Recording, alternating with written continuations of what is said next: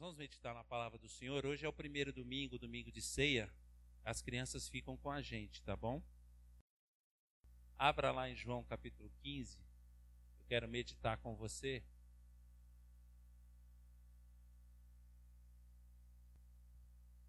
Quero meditar na palavra do Senhor. Feche os seus olhos, mesmo assentados. Hoje eu vou andar bem pouco, tá? Por um problema de limitação quântica, eu vou ter que andar pouco. Então, é, mas Deus vai nos ajudar, amém? Feche os teus olhos, Pai querido e amado, nós colocamos mais uma vez esse tempo na disposição do Teu Espírito Santo. Nós já oramos, nós já consagramos, nós já abençoamos esse tempo e sabemos que tudo que vai acontecer aqui vai acontecer porque o Teu Espírito determinou que assim fosse. Mas eu te peço agora, Senhor, que toda a mente seja levada cativa em obediência à palavra do Senhor. Eu tomo autoridade nos céus e na terra e declaro estabelecido o reino de Deus neste lugar. Cada coração, cada mente, que haja um espírito de revelação neste lugar agora. Toda incredulidade saia deste lugar. Toda indiferença saia deste lugar. Toda mornidão saia dos nossos corações agora em nome de Jesus.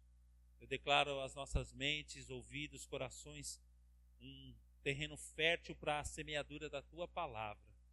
Eu declaro isso no nome do Senhor Jesus, quem crê, diga amém. Queridos, eu vou procurar ser bem simples e didático e objetivo. Há dois domingos atrás eu falei que Salmos 1, versículo 3 diz: que nós seríamos, o justo é como uma árvore plantada junto a ribeiros de água, que no devido tempo dá o seu fruto e cuja folhagem não murcha. Então vira para a pessoa que está do lado e fala assim: Deus te fez para ser justo, e como justo, Deus quer que você dê muitos frutos. Amém? Foi isso que nós aprendemos, a lei da semeadura. Tudo aquilo que o homem semear, ele vai colher. E o justo, ele dá muitos frutos durante a sua vida. Né? É, o carvalho dá 10 milhões de frutos ao longo da sua vida. Fala aí para o seu irmão, você vai dar muitos frutos para a glória de Deus. Domingo passado eu falei que a vontade de Deus é que nós floresçamos, independente do lugar onde que a gente esteja. Ah, pastor, estou no deserto importa, irmão. Salmos 92, 12, a palavra de Deus diz que o justo florescerá como a palmeira no deserto e como o cedro no Líbano. Versículo 13: Plantados no, na, na casa do Senhor, o justo florescerá. Amém? E versículo 14: Ainda quando for velho, dará muitos frutos. Então, o propósito de Deus é que você floresça, independente de onde você está. Repete comigo: a vontade de Deus é que eu dê muitos frutos. A vontade de Deus é que eu floresça aonde eu esteja e eu dê muitos frutos. Amém? Agora, para que eu possa dar muitos frutos, como uma árvore, eu preciso ser cuidada. E como Paulo disse lá em 2 Coríntios 9, nós somos lavoura do Senhor. Né? Então, olhe nos lindos olhos azuis da pessoa que está do teu lado e fala assim: Você é lavoura. Fala, você é fazenda de Deus. Amém? Agora, para florescer, para dar frutos, tem que cuidar. Né?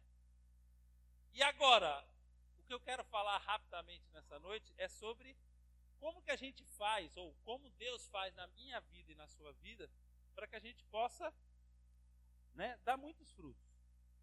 Porque a gente pode dar frutos. E a gente pode dar muitos frutos. Tudo que é vivo dá fruto. Agora, a gente pode dar frutos ou a gente pode dar muitos frutos. Né? Eu não sou especialista em botânica nem em lavoura, nunca tive fazenda. mas eu estudei bastante o assunto, então estou especialista no assunto, amém? Então, quando você tem uma planta lá, e ela começa a crescer, e ela começa a frutificar, o que, que você faz para que ela possa frutificar ainda mais? É sobre isso que eu quero falar com você nessa noite. E aí, João 15, você achou aí? É disso que Jesus Cristo está falando conosco. João capítulo 15, versículo 1, Jesus disse: Eu sou o quê? Eu sou a Eu sou a videira verdadeira e meu pai é o agricultor. Todo ramo que estando em mim não der frutos, ele o corta. E tudo o que dá fruto, ele limpa para que faça o quê? Para que produza mais fruto ainda. Vós já estáis limpos pela palavra que vos tenho falado. Permanecei em mim e eu permanecerei em vós.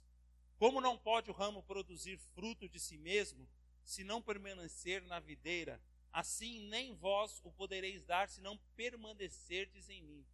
Eu sou a videira, vós os ramos. Quem permanece em mim e eu nele, esse dá o quê? Esse dá o quê? Esse dá o quê? Porque porque quem está vivo aí, quem tomou café, quem está com a Bíblia, então vamos lá, porque sem nada podeis fazer. Vamos entender esse texto, irmão, um pouquinho, para a gente compreender aquilo que Deus está querendo falar com a gente? A vontade de Deus é que nós demos quantos frutos, irmãos? Poucos frutos? Quantos frutos Deus quer que a gente dê?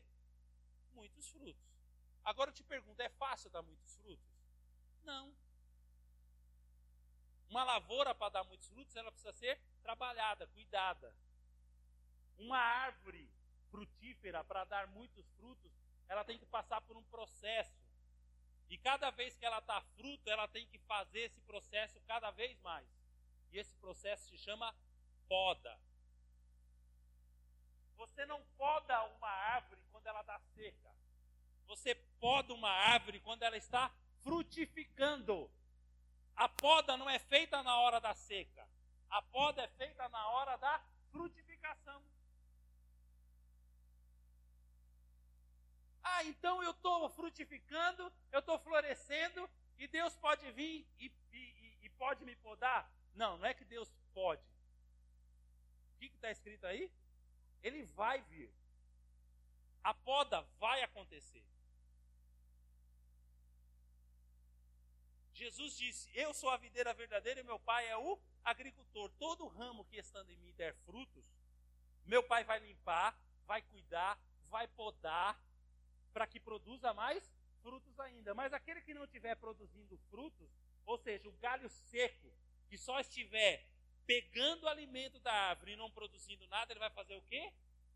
Ele vai cortar, porque um galho seco que não produz, ele só estraga os outros galhos. Ele precisa ser o quê? Cortado para não roubar o alimento do outro galho que está produzindo. Então a poda não é uma escolha. A poda, ela vai vir. Fala para o seu irmão assim: irmão, tem uma boa notícia para dar para você hoje. Pode falar, fala aí, irmão, tem uma boa notícia para dar para você hoje. Quer você queira, quer você não queira, Deus vai te podar. Pastor, mas eu estou bem, a minha família está bem, Deus vai te podar. Mas eu estou bem no meu trabalho, estou bem nas finanças, Deus vai te podar. Mas eu estou bem no meu ministério, Deus vai te podar. Pastor, eu não estou tão bem, Deus vai te podar.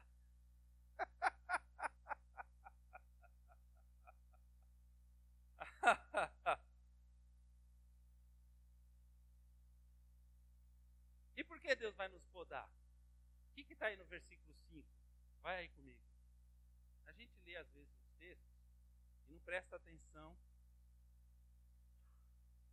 Todo ramo, eu sou a videira, vós os ramos. Quem permanece em mim, eu nele, faz o quê? Faz o quê, irmão? Qual é o segredo da frutificação? Permanecer aonde? Permanecer na videira. Irmão, olha aqui para mim. A gente gosta de receita. Você quer ver um seminário bombar? Vou fazer um seminário aqui na igreja. Sete passos para a prosperidade. Enche ou não enche a igreja? É, enche, irmão. Três, é, 21 semanas para você abrir as portas do céu sobre a sua vida. Se eu fizer a campanha aqui, racha, irmão. Vai lotar o bagulho. Quais são os livros que mais vendem? Livros de autoajuda, por quê? Sete passos para ter um casamento feliz. Cinco passos para fazer os filhos mais bonitos do universo. Né? Onze lições de como educar os seus filhos. A gente gosta ou não gosta desse negócio? A gente gosta de receita pronta, irmão. As irmãs digam graças a Deus pelo YouTube. Fala aí, irmã. Porque as mulheres odeiam cozinhar. Mas quando o cala aperta, ela liga o tubo do YouTube. O vídeo do YouTube, manda lá um Ctrl C no YouTube. E manda um bolão, não manda? Bolão do YouTube, cola tudo, né? Ninguém sabe fazer nada. Mas põe lá no YouTube, sai colando e sai copiando, né? E vamos que vamos. A gente gosta de receita pronta. Agora, qual é a receita pronta para você frutificar? Não tem, irmão. Porque é lavoura. Lavoura não tem receita pronta. Lavoura tem dia que está sol, tem dia que está chuva. Tem tempo que era para chover, está fazendo sol. Tem tempo que é para fazer sol, está chovendo. E aí como é que você faz? Você tem que cuidar disso como lavoura. O que você tem que fazer? Você tem que cuidar para que frutifique. Como que você cuida para frutificar? Podando. Qual é o segredo aí? Versículo 5.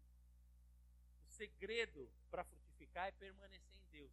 Agora, como é que a gente permanece em Deus? O texto continua. Qual é a parte B do versículo? O que, Jesus disse? Vai irmão. Parte B do versículo. O que está escrito? Sem mim. Como é que você permanece em Deus?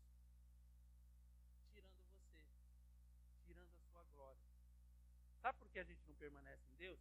Porque a gente chega num determinado momento da nossa vida que a gente acha que a gente não precisa de Deus. Que a gente acha que a gente já sabe como fazer ministério, que a gente já sabe como fazer família, que a gente já sabe como ser profissional, que a gente já sabe como ganhar dinheiro, e a gente acha que sozinho a gente dá conta de fazer as coisas. Só que Jesus disse que sem mim nada podeis fazer. Irmão, sabe por que a poda de Deus vem na minha vida e na sua vida? Para tirar a glória de mim e de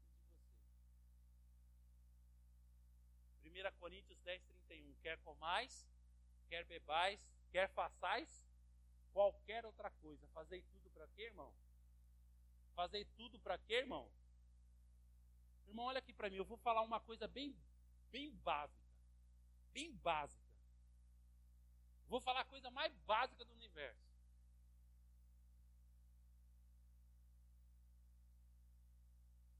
Eu sou de uma época que a gente não comia sem todo mundo sentar na mesa e sem primeiro agradecer o alimento. Até católico fazia isso.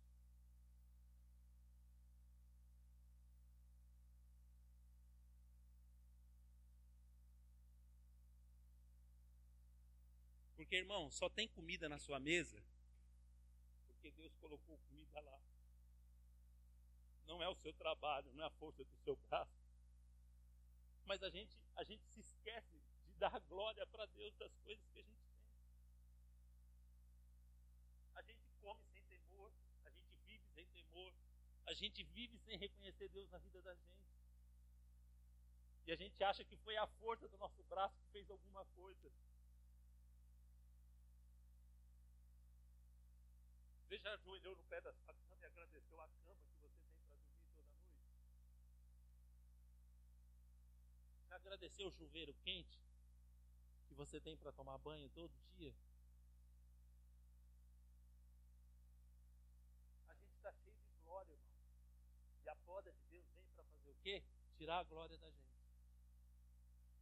Porque quando a glória nossa sai, nós permanecemos aonde? Em Jesus. E quanto mais eu estou em Jesus e quanto mais eu dependo de Jesus, mais eu vou frutificar. Simples assim. Gálatas, abre lá, por favor. Gálatas, capítulo 6.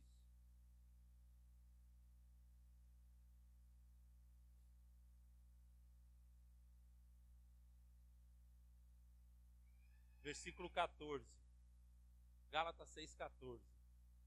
Mas longe, Gálatas 6,14. Mas longe esteja de mim gloriar-me senão na cruz de nosso Senhor Jesus Cristo, pela qual o mundo está crucificado para mim e eu para o mundo. Longe esteja de mim gloriar-me senão no quê? Na cruz de Cristo. O apóstolo Paulo dá o segredo da frutificação, que é o quê? Não se gloriar-se em si mesmo, mas gloriar-se na cruz de Cristo. Amém?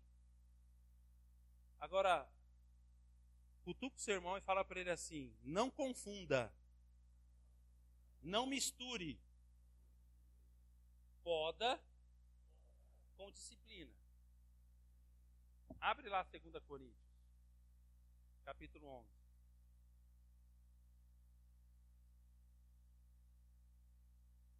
Porque às vezes acontece algumas coisas na vida da gente e a gente confunde que, ah, por que, que eu estou passando por isso? Deus está me disciplinando. Pode ser disciplina? Pode. Mas pode não ser disciplina? Pode não ser disciplina. Pode ser o quê? Poda de Deus na sua vida, na minha vida.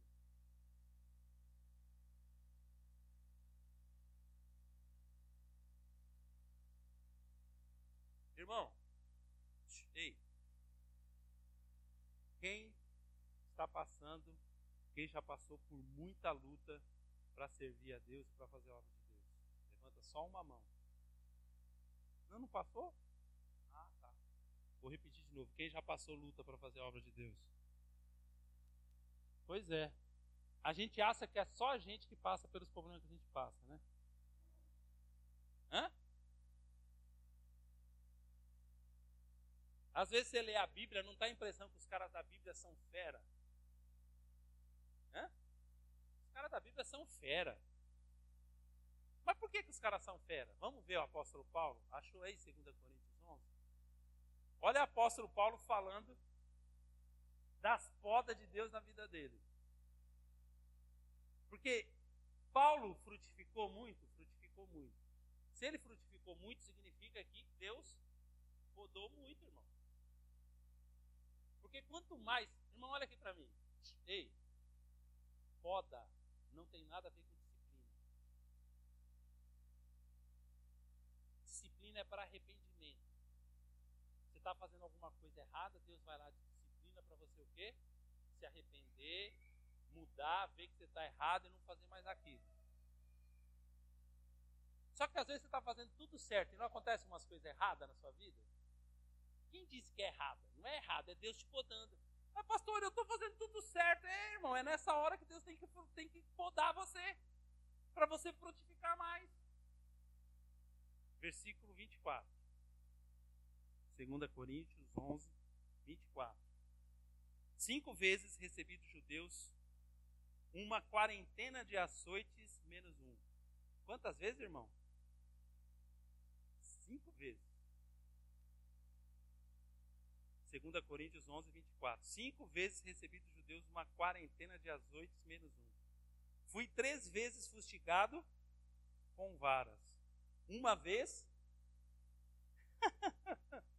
em naufrágio, três vezes. Uma noite e um dia passei na voragem do mar. Em jornadas, muitas vezes, em perigos de rios, em perigos de salteadores, em perigos entre patrícios, em perigo entre gentios, em perigos na cidade, em perigos no deserto, em perigos no mar, em perigo entre falsos irmãos, em trabalhos e fadigas, em vigílias, muitas vezes, em fome e sede, em jejum, muitas vezes em frio e. Pergunta para o seu irmão assim: tá bom ou você quer mais?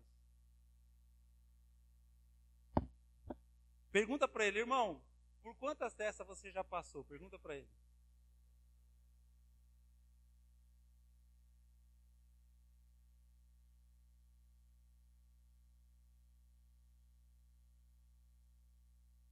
Paulo passou por tudo isso. Agora eu te pergunto: Paulo estava desobedecendo a Deus, irmão? Era disciplina de Deus? Não. Era o quê? Poda de Deus para Paulo fazer o quê? Produzir mais. Porque a árvore, uma hora, ela cansa de produzir. Ela pode estar produzindo, mas ela cansa. E quando ela cansa de produzir, para que ela volte a produzir novamente com força, com determinação e possa produzir mais, o que tem que fazer? Podar.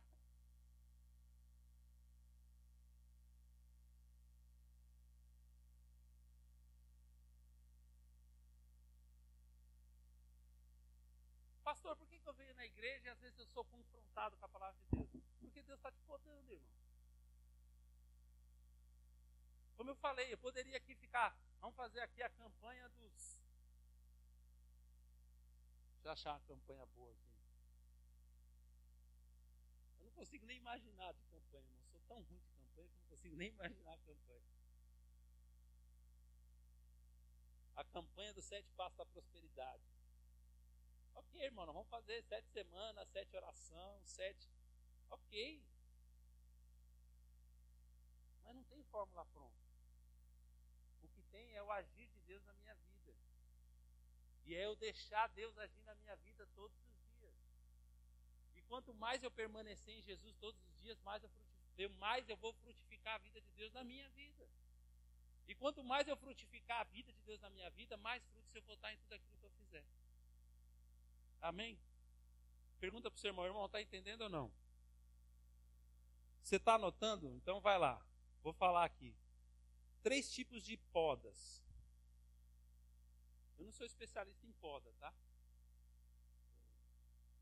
Mas vamos lá que a Bíblia nos ensina. Tem mais? É capaz que tenha. Mas eu quero falar desses, dessas três aqui três tipos de poda. A primeira poda é a poda da formação. Quem lembra do, do filme lá do Karate Kid? Danielson, como que era o nome lá do Senhor Miyagi? O que, que o senhor Miyagi fazia com as plantinhas dele? Podava para quê? Para dar forma para a árvore não crescer desproporcional. O bonsai que ele cuidava lá, ele tinha um formato. Mas ele criava aquele formato através do quê? Da poda. Ô irmão, Deus para dar uma forma para você tem que podar você. Porque se ele não podar, você cresce desproporcional, você cresce galho para todo lado. E não tem nada mais feio no universo que um negócio desproporcional. Você já viu um negócio desproporcional? Você já viu e você não vai, não pode rir agora, tá bom? Mas mantenha calma, amém, Jesus?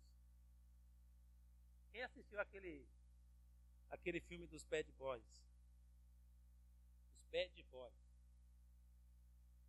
O 1, o 2 e o 3. O, o, o, o, Martin Lawrence, não é? Que era o Marcos. O outro que é o, o Mike. Chamava o Marcos de. De? Porque a orelha dele era maior que a cabeça dele. Aí no 3 nasceu o netinho dele. Aí quando ele pegou a criança, olhou para a orelha, é o neto mesmo. Mas graças a Deus que agora já tem já tem cirurgia, amém? Para dar uma para a criança não sofrer bullying na escola, né?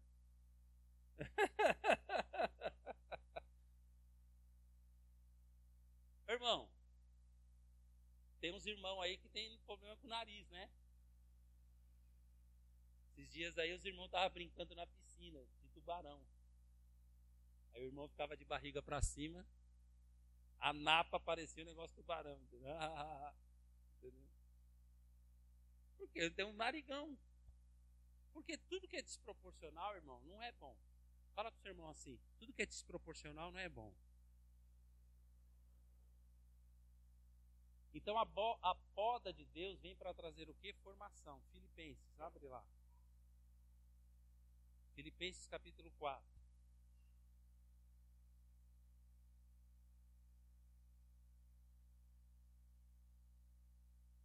Versículo 5. Filipenses 4, versículo 5.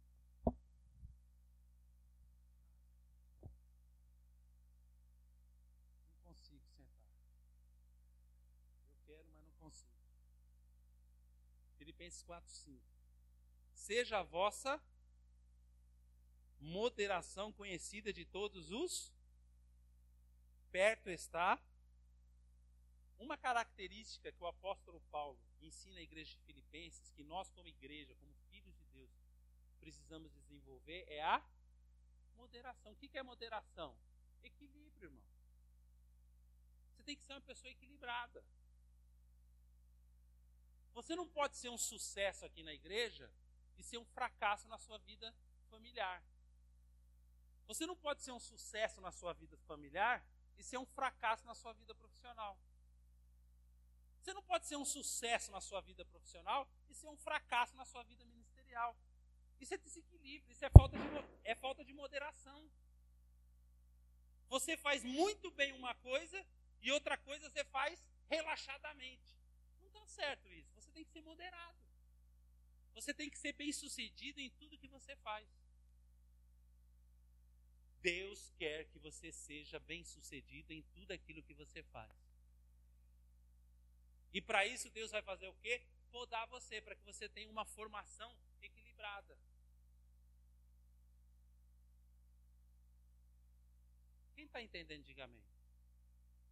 Eu estou falando aqui e eu tenho certeza, porque Deus me falou aqui, que Deus está tá mostrando para você por que, que tem áreas na sua vida que Deus está podando você. Pastor, por que, que eu estou. Você está tendo resposta de Deus hoje para algumas coisas que estão acontecendo. Por que, que eu estou passando por isso nesta área da minha vida? Porque Deus está formando essa área da sua vida em você. Porque você desenvolveu uma área da sua vida, mas outra área da sua vida está atrofiada. E isto é bom? Não, não é bom. Deus quer que você seja equilibrado, próspero, frutífero em tudo que você faz. Amém? Segunda poda, a poda da limpeza.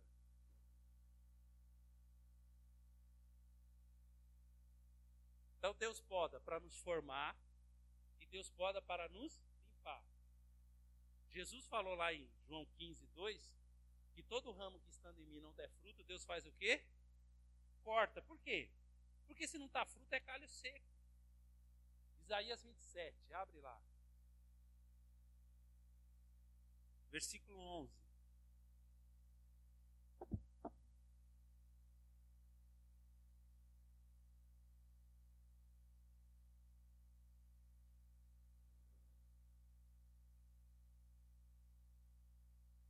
Isaías 27, 11. Quando seus ramos se secam, são o que, irmãos? Quebrados. Então vêm as mulheres e lhe deitam fogo, porque este povo não é povo de entendimento. Por isso, aquele que o fez não se compadecerá dele, e aquele que o formou não lhe perdoará. Quando seus ramos se secam, são quebrados. Irmão, aquilo que não produz tem que arrancar, porque rouba a energia daquilo. Então, às vezes, a poda de Deus vem para fazer o quê? Limpar coisas da nossa vida.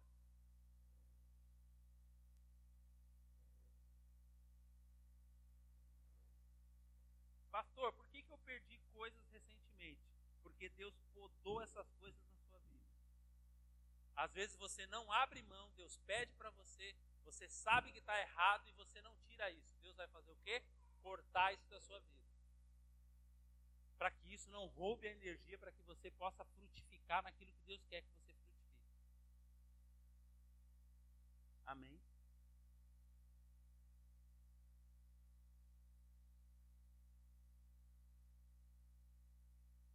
Terceira poda. A poda da produção.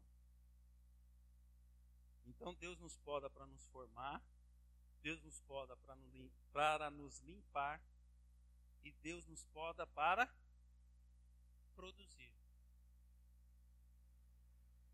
Pastor, estou produzindo. Deus vai te podar para que você produza ainda mais. Pastor, não estou produzindo. Deus vai te podar para que você passe a produzir em nome de Jesus. Porque esse é o propósito de Deus para você. Poda é um investimento. O agricultor, quando poda uma árvore, ele está investindo naquilo. Para que aquela árvore possa produzir ainda mais. Jó, capítulo 15, aliás, 14. Jó 14.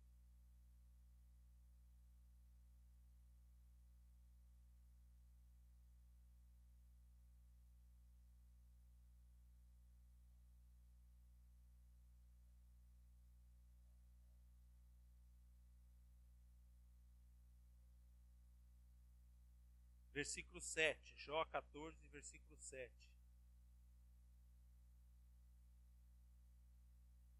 Jó 14, versículo 7. Porque há esperança para a árvore, pois mesmo cortada ainda se renovará, e não cessarão os seus rebentos.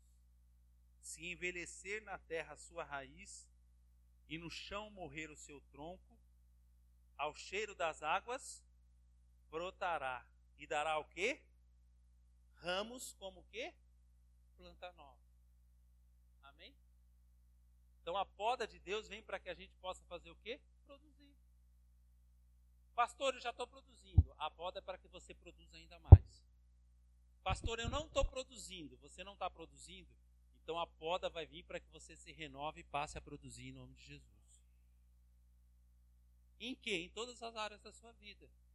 Não só no ministério, não só na casa, não só na família, não só na sua vida profissional, em todas as áreas da sua vida.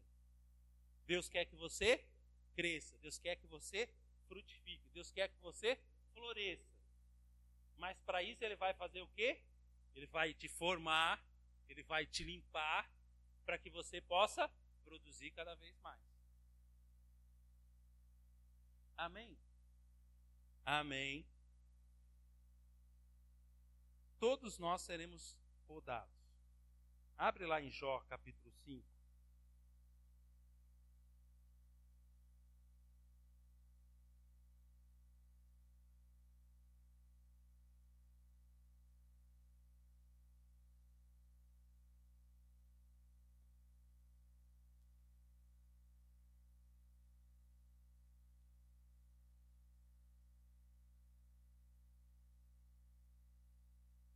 é o nome daquele negócio que eles cortam os galhos da árvore?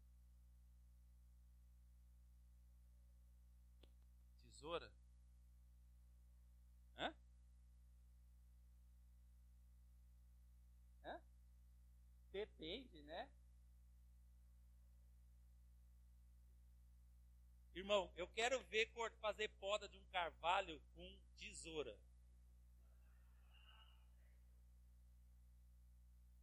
Hã? Depende, né? Se for uma orquídea, dá para fazer com uma tesourinha, né? Aquelas árvores maiores tem que ser uma tesoura, um tesourão, motosserra. Mas vamos pegar aqui um, um exemplo prático. Vamos, vamos, vamos considerar uma árvore normal, uma tesoura de poda. Quem já tomou uma tesourada?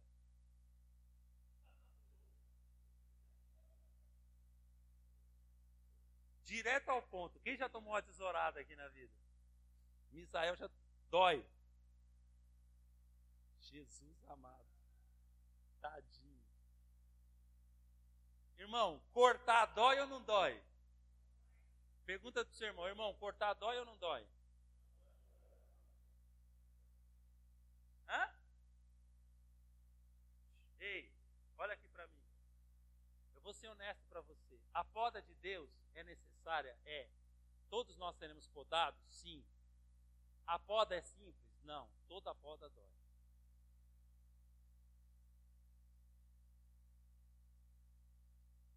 Sabe por quê? Porque poda envolve cruz. Deus não faz poda com tesoura, nem com motosserra, nem com alicate. Deus faz poda na minha vida e na sua vida uma coisa chamada cruz. Em nome de Jesus, nesse ano, a igreja de Jesus, nessa nação, vai recuperar a cruz de Cristo. Porque é o que a igreja precisa de cruz, irmão. O que eu preciso na minha vida para cumprir o propósito de Deus é cruz. Eu não preciso de célula, eu não preciso de culto, eu não preciso de conferência, eu preciso de cruz. Tudo isso que a gente faz, irmão, é só uma ferramenta. Mas se a gente fizer células, se a gente fizer conferência, se a gente fizer culto, mas se não tiver cruz na nossa vida, não tem Deus. O que faz Deus aparecer em nós não é a quantidade de células, de culto, de reunião que a gente faz. O que faz aparecer Deus na igreja é cruz.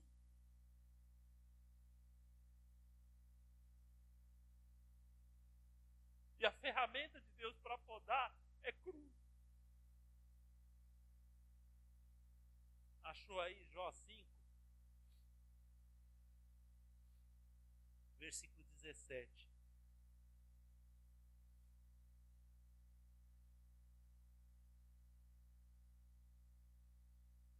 Jó 5,17. Bem-aventurado é o homem a quem Deus, a quem Deus pode, irmão. A disciplina aqui é a poda de Deus.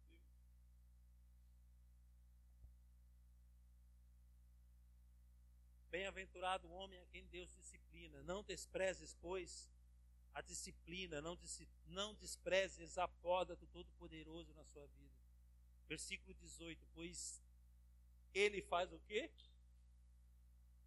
Ele faz o quê?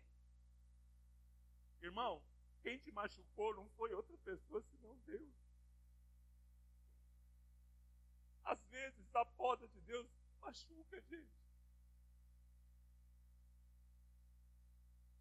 Mas a Bíblia fala que ele mesmo fez a ferida e ele mesmo ele mesmo a ata, ele mesmo a sara, ele a mesma cura. Ele fere e as suas mãos a mesma mão que faz a ferida é a mesma mão que cura. A mesma ferramenta que é a cruz que corta é a mesma ferramenta que cura a cruz de Cristo. A mesma ferramenta que machuca é a ferramenta que sara a cruz de Cristo.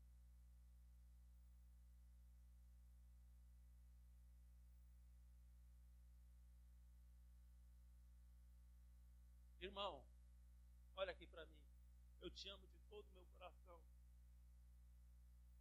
Mas a única pessoa que pode sarar o teu coração é Deus.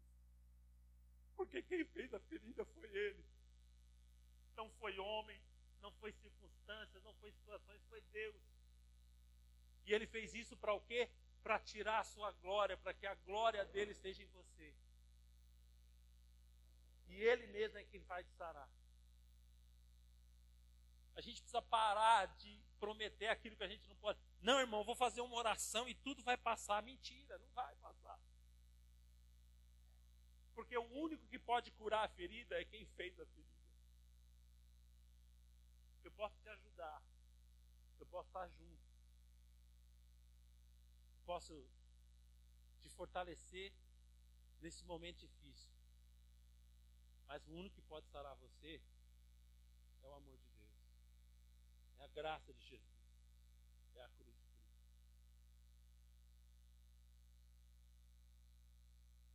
Cristo. Para que, que é a cruz? Anote aí, três coisas. Falei que existe três podas. E a ferramenta da poda é a cruz. Então, para que, que Deus nos poda? Ou para que, que Deus passa a cruz na nossa vida? Primeiro, para frutificação. A cruz de Cristo é para Vou repetir: a cruz de Cristo é para frutificação. Quer frutificar? Passe pela cruz. Permita que a cruz passe por você. Abre lá em João, Evangelho de João, capítulo 12.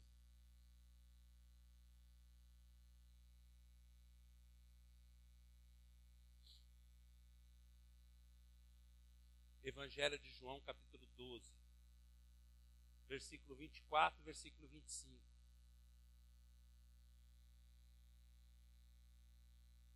Evangelho de João, capítulo 12, versículo 24 e 25. Em verdade, em verdade vos digo: se o grão de trigo caindo na terra não morrer, fica ele, mas se morrer, se morrer produz muitos frutos. Quem ama a sua vida, perde-a, mas aquele que odeia a sua vida neste mundo, preservá-la-á para a vida eterna. Amém? Quem quer frutificar? Para frutificar, preciso fazer o quê? Passar pela cruz. Passar pela cruz significa o quê? Morrer. A vida começa na morte.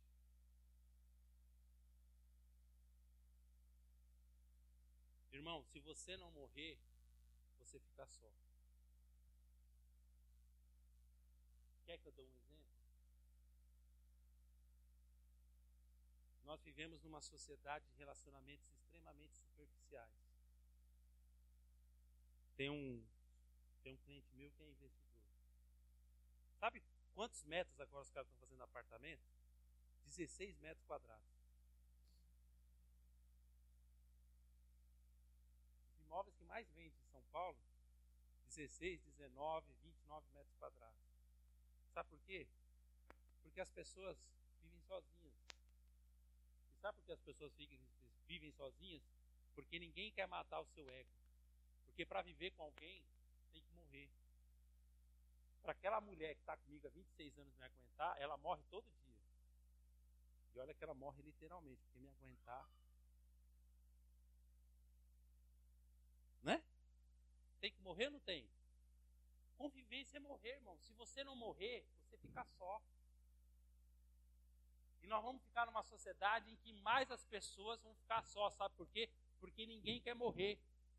Ninguém quer abrir mão de vontade, ninguém quer estar errado, todo mundo quer estar certo, todo mundo quer ter razão. E aí bate o pé e faz o quê? Morre seco, sozinho, esturricado. E vai para a vala do cemitério como desconhecido.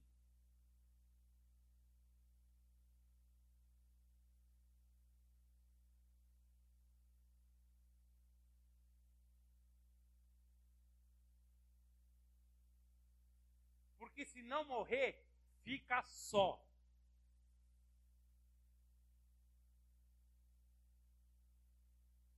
Pastor, eu não quero ficar sozinho, então morre. Morre, todo dia morre.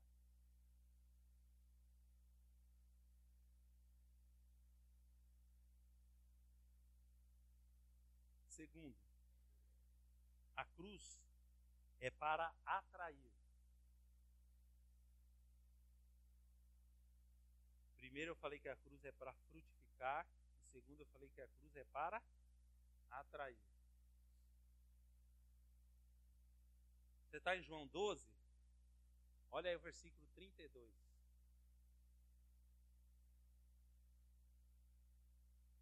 Jesus falando: E eu, quando for levantado na terra, e eu, quando for o quê? Levantado na terra, farei o quê? Todos estão sendo atraídos para Jesus, sim ou não? Mas para que nós fôssemos atraídos para Ele, era necessário que Ele fosse o quê? Levantado. O que é ser levantado, irmão? Abre lá João 3.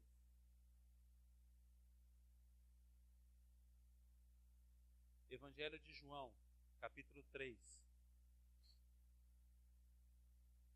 Versículo 14 e 15.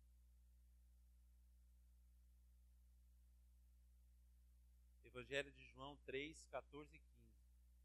E assim como Moisés levantou a serpente no deserto, assim também é necessário que o filho do homem seja levantado, para que todo que nele crê tenha o quê?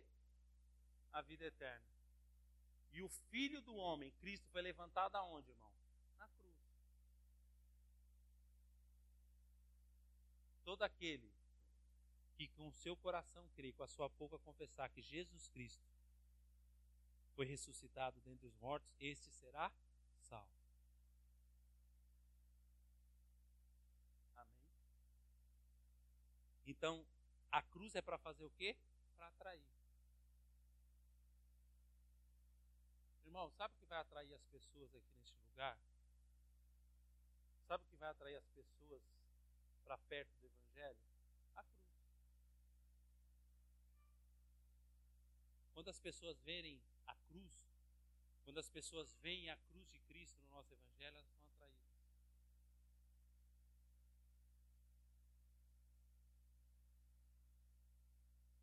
Irmão, as pessoas precisam de vida. Mas a vida não está na vida, a vida está onde? Na morte. Terceiro, a cruz é para frutificação, a cruz é para atrair e para a cruz é para gerar vida. Pastor, eu vou para a cruz para gerar vida? É. Mas na cruz eu não morro? Morre. Mas a vida começa onde? Na morte. Quanto mais eu morro, mais vida eu gero. 2 Coríntios 4.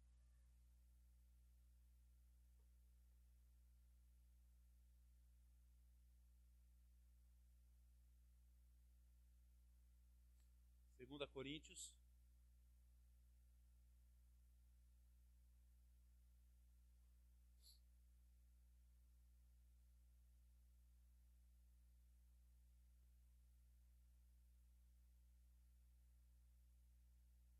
Segunda Coríntios 4, 7.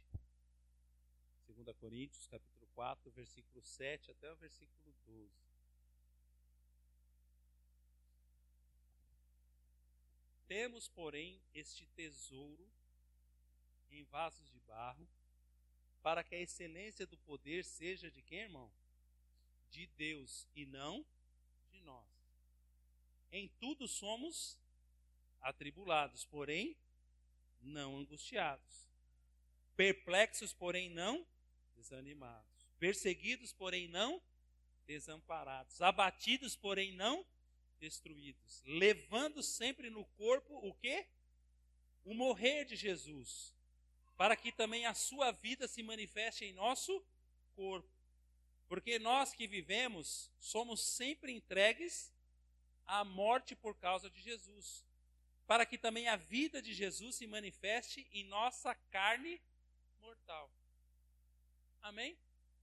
Quer manifestar a vida de Deus em você? Você tem que morrer como Jesus morreu. Se nós morrermos como ele morreu, então a vida dele se manifesta em nós. Amém?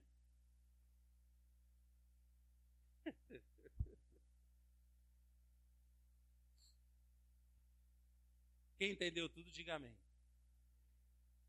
Olhe nos lindos olhos verdes da pessoa que está do seu lado.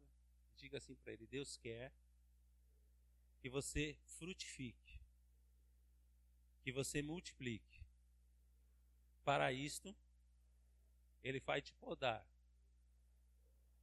E a ferramenta que ele vai usar para te podar é a cruz.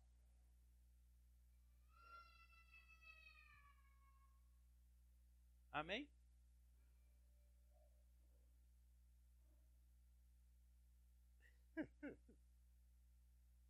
Quem quer passar pela cruz?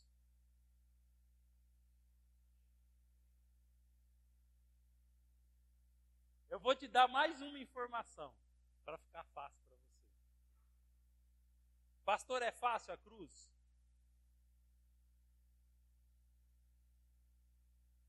Cruz fala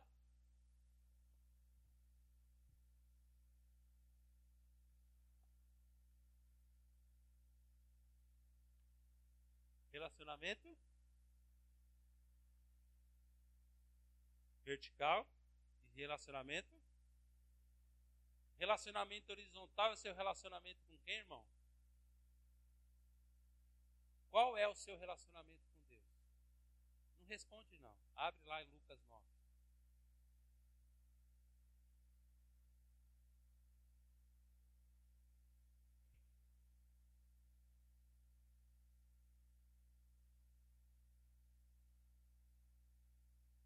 Aliás, põe a mãozinha no, seu, no ombro do seu irmão.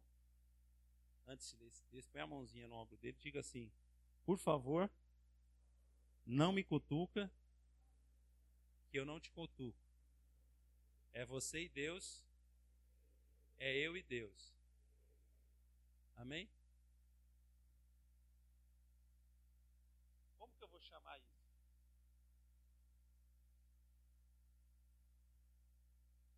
Quando a gente mede lá o nível pluviométrico, a gente usa o pluviômetro.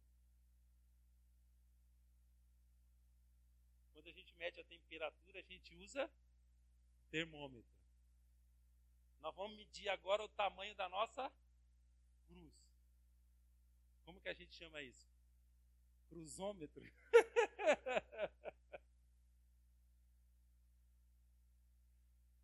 Irmão, eu estou sendo bem prático para você. Olha aqui para mim. Porque falar de cruz, eu posso ficar falando aqui a noite inteira de cruz. Falar que Deus vai te podar, ok, beleza, maravilha. Agora, na prática, o que é vida de cruz? Porque é muito bonito falar, ah, eu estou na cruz. Vamos ver se a gente está na cruz mesmo? Cruz é para o quê? Para matar. Matar para quê? Para que a minha glória saia e a glória de Deus apareça. Porque se eu não morrer, eu fico sozinho. E se eu não quero ficar sozinho, eu preciso morrer. Então a cruz fala de vertical e de. Cruz fala que eu tenho que tomar a cruz no meu relacionamento com Deus e no meu relacionamento com o próximo. Então, só quero que você, a Bíblia fala lá em 1 Coríntios 11, examine-se o homem a si mesmo. Então agora é hora de a gente se examinar na prática. Ah, então vamos lá. Com relação a Deus, eu estou tomando a minha cruz? Qual é a forma prática meu, da minha cruz com Cristo? Lucas 9, achou aí? Versículo 23. Dizia a quem, irmão? Dizia Jesus para alguns, só para os escolhidos. Dizia Jesus só para os seus discípulos. Dizia Jesus só para os 144 escolhidos. Não, dizia Jesus para todos. Todos cabe eu, cabe você, amém? Se alguém quer vir após mim, a si mesmo se negue. Só no dia que tiver sol. Só no dia que você tiver up. Só no dia que for conveniente para você. Se alguém quer vir após mim, assim mesmo se negue dia a dia, tome a sua cruz e siga-me. Pois quem quiser salvar a sua vida, perdê-la. Quem perder a vida por minha causa, este a salvará.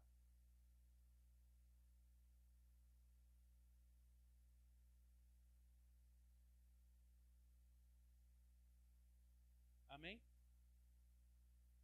Com relação ao próximo, Romanos 15, abre lá. É só mais quatro textos e termina, tá bom? Juro.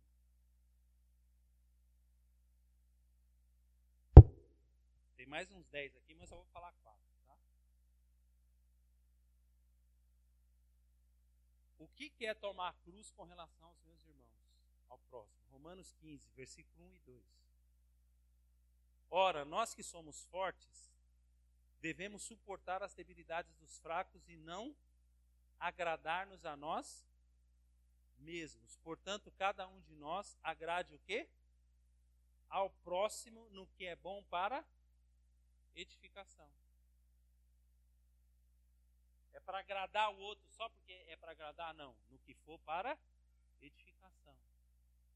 Se vai edificar o seu irmão, agrade o seu irmão. Qual o problema de abrir mão?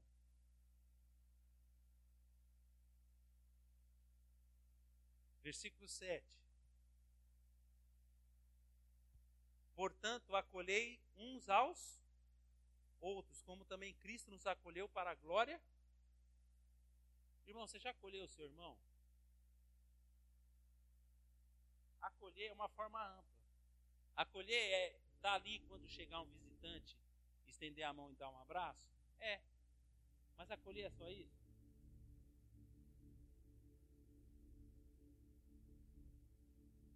O dia que seu irmão estava lá no hospital, você já fez um prato de canja e foi levar para ele comer porque ele não está conseguindo comer? Você sabe que seu irmão está doente, você já foi lá pegar a roupa dele e levou para sua casa para você lavar a roupa dele uma semana?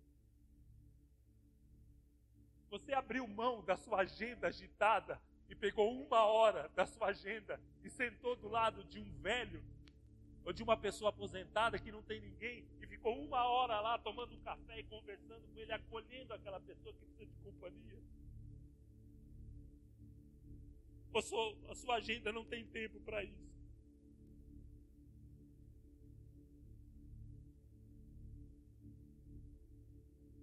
Ou só cabe na sua agenda as pessoas que você ama e que você gosta. Você só tem tempo para os seus amigos, mas você precisa ter tempo para acolher quem precisa, irmão.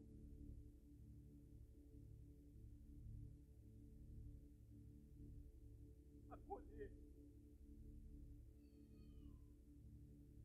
Qual foi a última vez que você conversou com uma pessoa que pediu uma esmola para você? Você acha que todo mundo que está na rua é bandido, ninguém merece o seu tempo e você só fecha o vidro e não fala mais com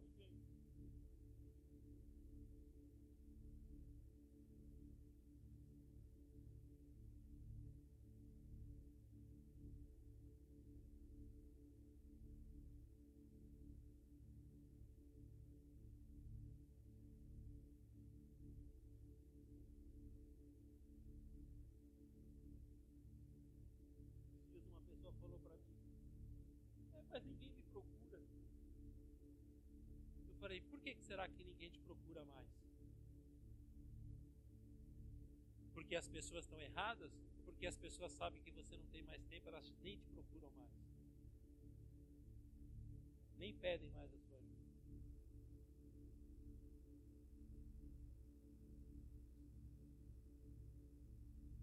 Quando você faz a célula na sua casa, você faz por obrigação ou você acolhe como se estivesse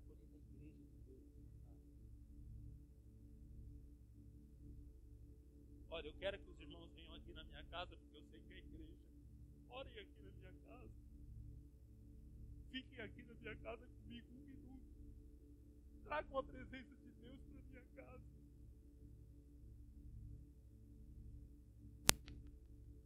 Irmão, fazer cela não é obrigação. Você espera levar a glória de Deus na casa de alguém. E quando você recebe a glória de Deus na sua casa, você tem que acolher a glória de Deus.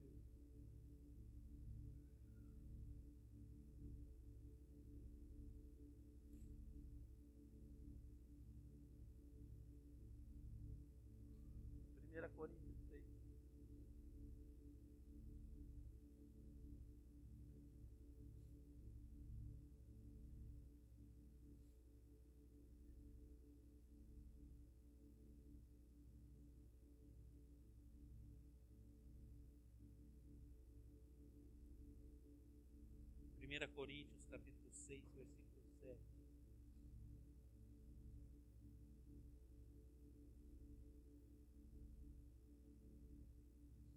Primeira Coríntios 6, 7. O só, o só existir entre vós demandas já é completa derrota para vós outros. Por que não sofreis antes a injustiça? Por que não sofreis antes o dano?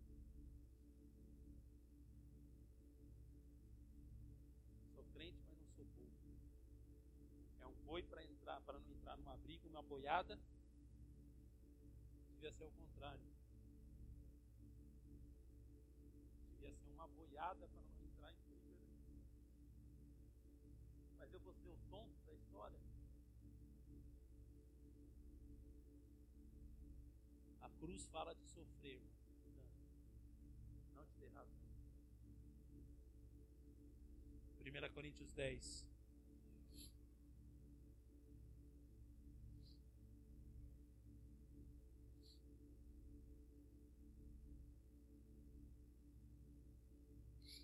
32 e 33. 1 Coríntios 10, 32 e 33. Não vos torneis causa de tropeço, nem para judeus, nem para gentios, nem tampouco para a igreja de Deus.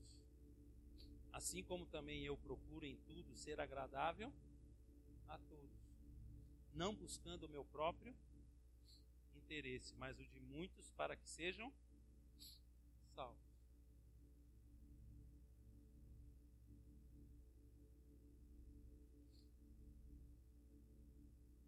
Recentemente,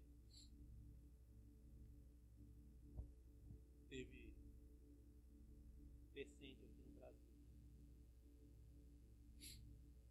É um movimento para despertar a igreja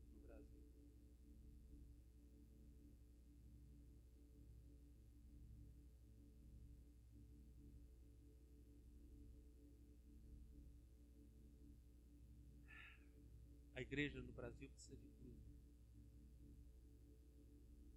igreja de Cristo no mundo precisa de Cristo. Esse é o maior despertamento que nós precisamos.